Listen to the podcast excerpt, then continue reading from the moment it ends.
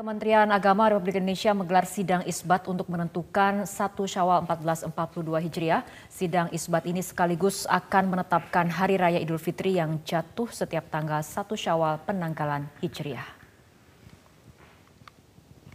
Sidang yang digelar sejak Selasa sore akan diawali dengan pemaparan posisi bulan sabit baru atau hilal oleh tim unifikasi kalender Hijriah Kementerian Agama. Menteri Agama akan memimpin sidang berupa mendengarkan data hasil hisab dan laporan Rukyatul Hilal.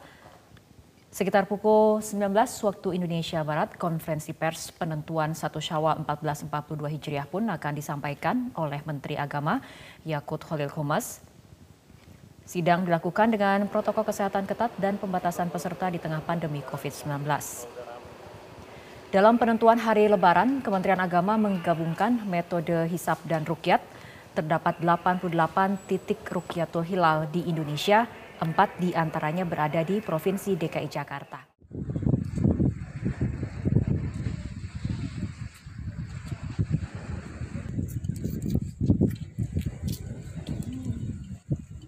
Pemirsa tim Lajnah Fakakiyah PCNU Kabupaten Gresik Jawa Timur menggelar Rukyatul Hilal penentuan awal Syawal 1442 Hijriah. Sementara itu pemantauan hilal di Kota Semarang Jawa Tengah dilakukan di salah satu perguruan tinggi. Informasi selengkapnya akan disampaikan oleh rekan Solihul Huda di Gresik Jawa Timur dan rekan Nova Nurusa dari Semarang. Kita ke Gresik terlebih dahulu. Huda, bagaimana hasil serta perjalanan Rukyatul Hilal yang dilakukan di Bukit Condro Dipo Gresik? Ya Fitri, uh, pemantauan hilal yang dilakukan oleh tim Lajna Falahia PCNU Kabupaten Gresik di Bukit Condro Dipo uh, Kecamatan Kebomas ini sudah selesai dilakukan setengah jam yang lalu. Dari hasil pengamatan oleh sekitar 25 tim perukyat uh, Lajna Falahia PCNU Kabupaten Gresik mulai pukul 17.00 sampai 17.45 belum berhasil melihat bulan. Tadi sempat disampaikan oleh Ketua Lajna Falahia PCNU Kabupaten Gresik, uh, Haji Khisni Umar mengatakan bahwa uh, hilal belum bisa terlihat karena posisi hilal berada di bawah ufuk atau sekitar minus 4 sampai 5 derajat.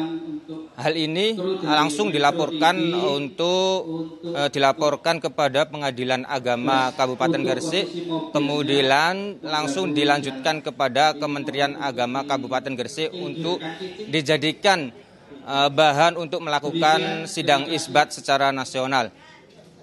Fitri, namun uh, bisa dijelaskan bahwa untuk hari ini hilal belum bisa terlihat Uh, namun tim Lajnah Falakiyah besok akan tetap melakukan pemantauan untuk pembuktian bahwa memang benar-benar besok hilal bisa terlihat dan bisa melaksanakan uh, hari raya Idul Fitri pada hari Kamis mendatang. Fitri. Ya, Huda di Gresik artinya hilal tidak terlihat. Bagaimana dengan di Semarang? Noval, di mana tepatnya lokasi pemantauan hilal yang dilakukan di Semarang dan apakah aktivitas pemantauan ini sudah berjalan ataupun sudah ada hasilnya? Ya, selamat malam Fitri dan juga pemirsa. Uh, untuk pemantauan hilal pada sore hari hingga malam hari ini tadi dilakukan di uh, kampus atau Universitas uh, Islam Negeri Wali Songo yang ada di Kota Semarang atau UIN Wali Songo dan pemantauan ini dilakukan tepatnya di areal planetarium yang ada di kampus UIN Wali Songo Kota Semarang ini. Dan tadi untuk uh, pemantauan sendiri sudah dilakukan atau sudah berjalan sejak pukul 16.00 dan dilaksanakan secara terbatas artinya hanya diikuti oleh sedikit pihak dan juga tetap menerapkan protokol kesehatan pencegahan COVID-19. Kemudian terkait dengan hasil pemantauannya bisa kami sampaikan bahwa berdasarkan hasil pemantauan sudah dipastikan bahwa hilal tidak terlihat di kota Semarang. Karena kondisinya adalah hilal ini masih berada di angka minus 4 derajat dan juga e, secara garis besar memang masih ada sejumlah kriteria lain yang membuat e, hilal ini menjadi tidak terlihat. Seperti halnya belum terjadinya konjungsi serta jarak bulan dan matahari yang berada atau masih di luar 3 derajat. Dan e, setelah itu, laporan ini akan disampaikan ke Kementerian Agama Pusat untuk selanjutnya dijadikan sebagai pedoman dalam uh, melakukan sidang isbat. Dan bila di seluruh lokasi pemantauan hilal juga tidak terlihat, maka bisa dipastikan atau kemungkinan besar untuk uh, di keputusan di sidang isbat ini adalah menjadi istiqmal atau menyempurnakan puasa menjadi 30 hari dan artinya besok untuk umat Islam ini masih akan menjalankan puasa sebelum nanti masuk dalam satu syawal pada hari Kamisnya. Dan berikut wawancara kami dengan Kakanwil Kemenak Jawa Tengah, Mustain Ahmad terkait dengan pemantauan hilal pada hari ini. Namun berdasar data hisap, data hitung-hitungan astronomi, itu eh, angkanya tadi juga dijelaskan oleh pakar yang membidangi itu, hari ini posisinya masih di bawah ufuk, di bawah horizon, minus 4, sekitar 4 derajat eh, di bawah horizon. Artinya memang tidak bisa diamati. Nah itu dari dalam eh, ketentuannya, tentu nanti yang menentukan pada akhirnya adalah sidang isbat di Kementerian Agama Pusat, tetapi kita bisa memprediksi kalau semua dalam posisi seperti itu se-Indonesia, maka eh, bisa kita prediksi nanti keputusan di sidang isbat itu akan istiqmal. Artinya menyempurnakan hitungan bulan puasa menjadi 30 hari. Bila di Papua, Gresik, dan Semarang, tim Lajnah Falakiyah tidak melihat adanya hilal untuk memasuki bulan baru. Lantas bagaimana pemantauan hilal di ibu kota Jakarta? Humaira Balkis akan melaporkannya langsung dari Masjid Hasim Asari di Jakarta Barat. Balkis, apakah Rukyatul Hilal di sana sudah selesai dan bagaimana hasilnya?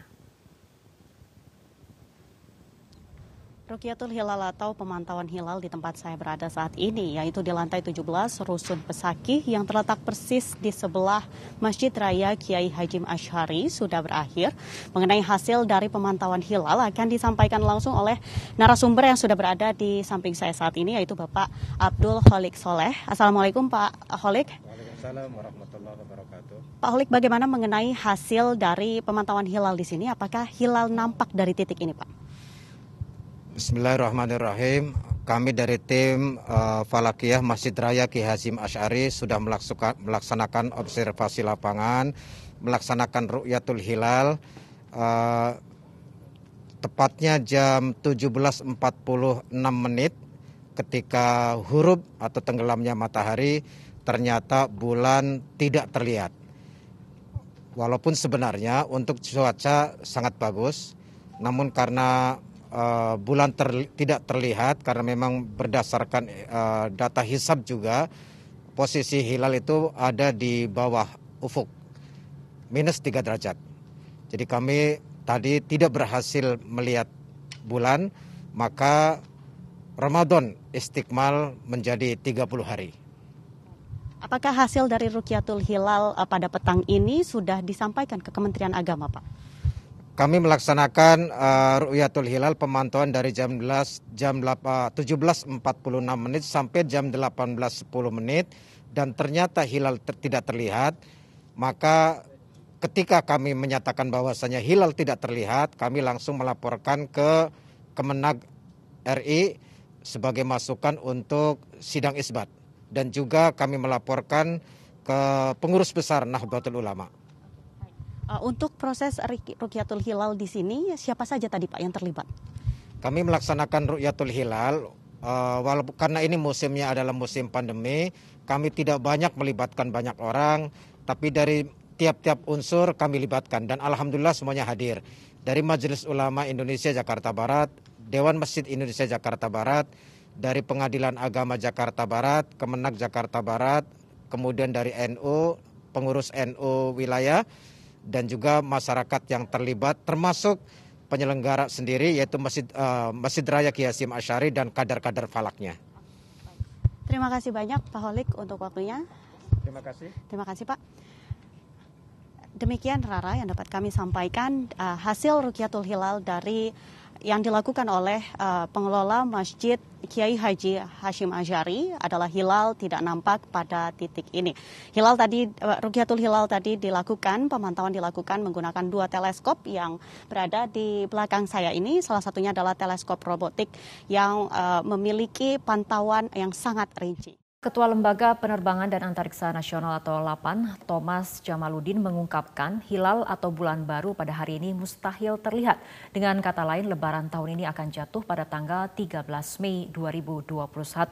Hasil pengamatan serupa juga disampaikan oleh Badan Meteorologi, Klimatologi, dan Geofisika. Menurut BMKG, posisi hilal di seluruh Indonesia masih negatif untuk sore hari ini. Hitungan astronomi memang pada saat maghrib hari ini, 11 Mei, itu posisinya sudah terbenam pada saat maghrib atau posisinya sudah negatif di Indonesia sekitar minus 5. Artinya tidak mungkin uh, hilal bisa diruyat. Jadi uh, nanti pada saat sidang isbat, laporan dari tim perukyat itu akan menyatakan bahwa hilal tidak terlihat. Kalaupun sebetulnya ada yang mengaku melihat, itu akan ditolak baik oleh hakim agama eh, di lokasi pengamatan maupun pada saat, saat sidang isbat. Pada saat pengamatan dilaksanakan sore nanti, hilal mustahil untuk teramati. Eh, konsekuensinya, berdasarkan data tersebut, eh, besok pada tanggal 20 eh, tanggal 12 eh, Mei 2021 masih tetap eh, dia adalah pada tanggal 30 eh, Ramadan.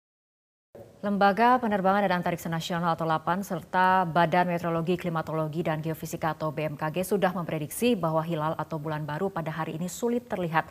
Lantas bagaimana metode selanjutnya untuk menentukan satu syawal 1442 Hijriah? Sudah terhubung bersama kami Kepala Observatorium Kasa Pondok Pesantren As-Salam, Bapak R. Sugeng Riyadi. Selamat malam Pak Sugeng, Assalamualaikum.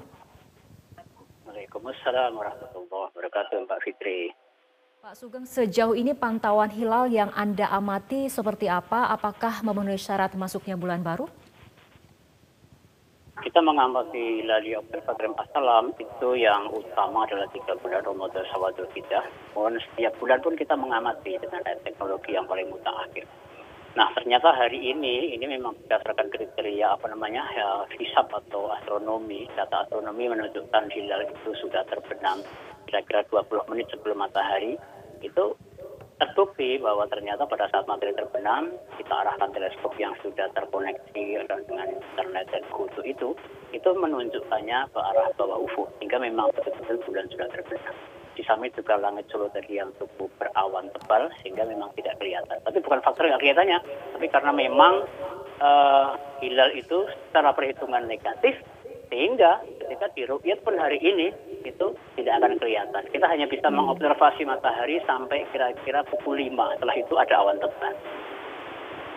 Ya, apabila kita lihat lah dari laporan dari teman-teman di lapangan di Papua, di Gresik Jawa Timur, di Semarang Jawa Tengah dan juga di DKI Jakarta, ini memang hilal masih di ada di bawah ufuk di DKI Jakarta posisinya minus 3 derajat. Nah, ini tidak tampaknya hilal di 29 Ramadan seperti ini apakah umum terjadi, Pak? uh, sangat umum. Mengapa? Karena tanggal 29 itu adalah hari rukyat. Sementara hari rukyat untuk tahun kemarin sebenarnya juga sama sih, juga 29 Ramadan. Tahun ini juga. Dan sejatinya tahun depan itu juga kita rukyat, kita hari ke-29. Itu posisi bulan belum konjungsi dengan matahari. Sehingga hilal adalah negatif. Sehingga hal ini satunya hal biasa. Karena rukyat itu berbeda dengan konsumsi. Rukyat itu syariatnya selalu di tanggal 29 setiap bulan. Sementara konsumsi itu bisa di 29, bisa di 30. Nah, ketika konsumsi tanggal 30 seperti kasus bulan ini, maka ya sangat pasti di Solo ini sekitar 3,54 derajat itu negatif di bawah ufuk. Itu, Mbak. Oke, mengenai prediksi konjungsi sendiri, eh, Pak, prediksi 8 maupun BMKG mengatakan konjungsi atau ijtima awal bulan Syawal baru terjadi Rabu. Nah, ini kenapa ataupun mengapa Rukyatul Hilal harus tetap dilakukan hari ini?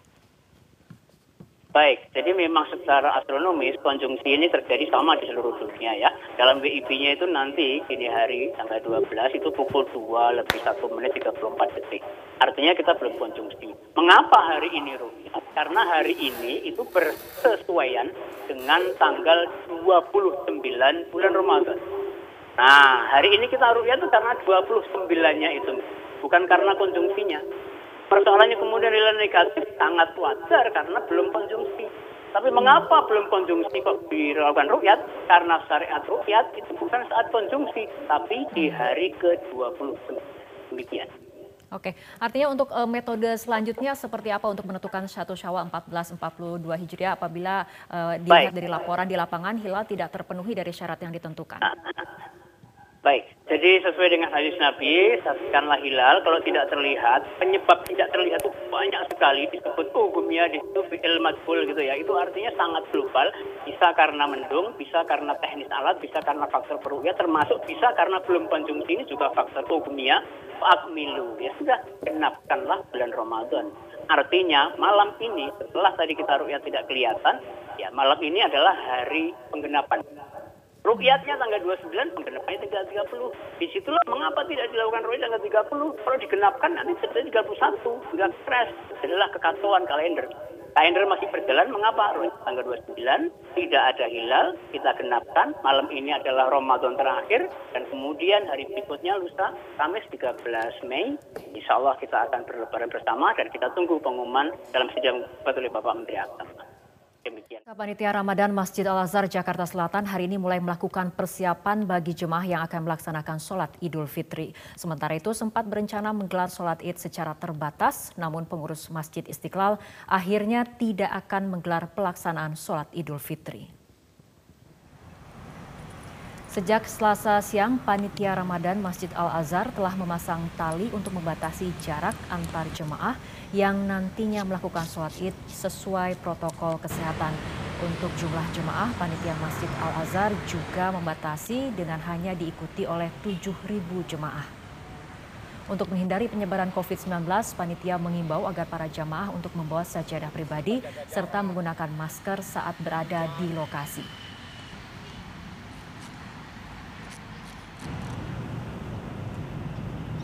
Meski awalnya berencana hanya membatasi jumlah jemaah yang akan sholat id, namun pengurus Masjid Istiqlal akhirnya memutuskan untuk membatalkannya.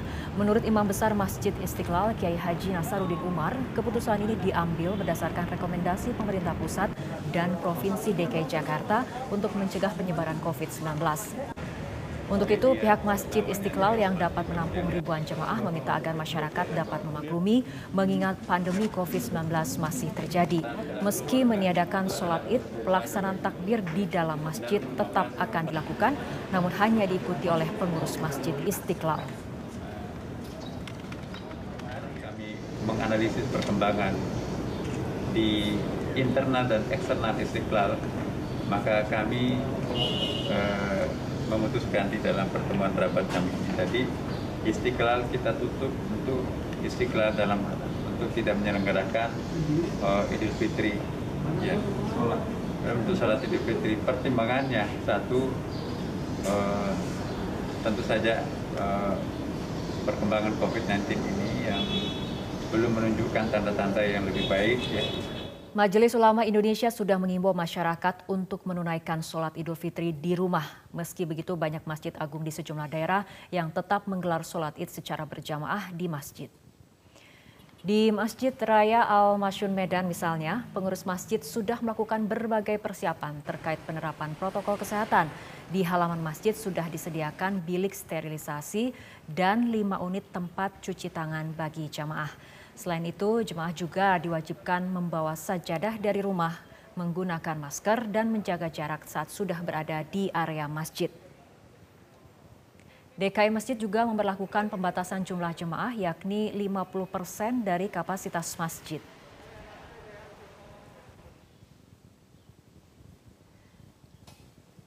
Di Masjid Al-Markas Al-Islami Makassar, pengurus masjid telah melakukan sejumlah persiapan yakni memasang tanda jarak serta tempat cuci tangan.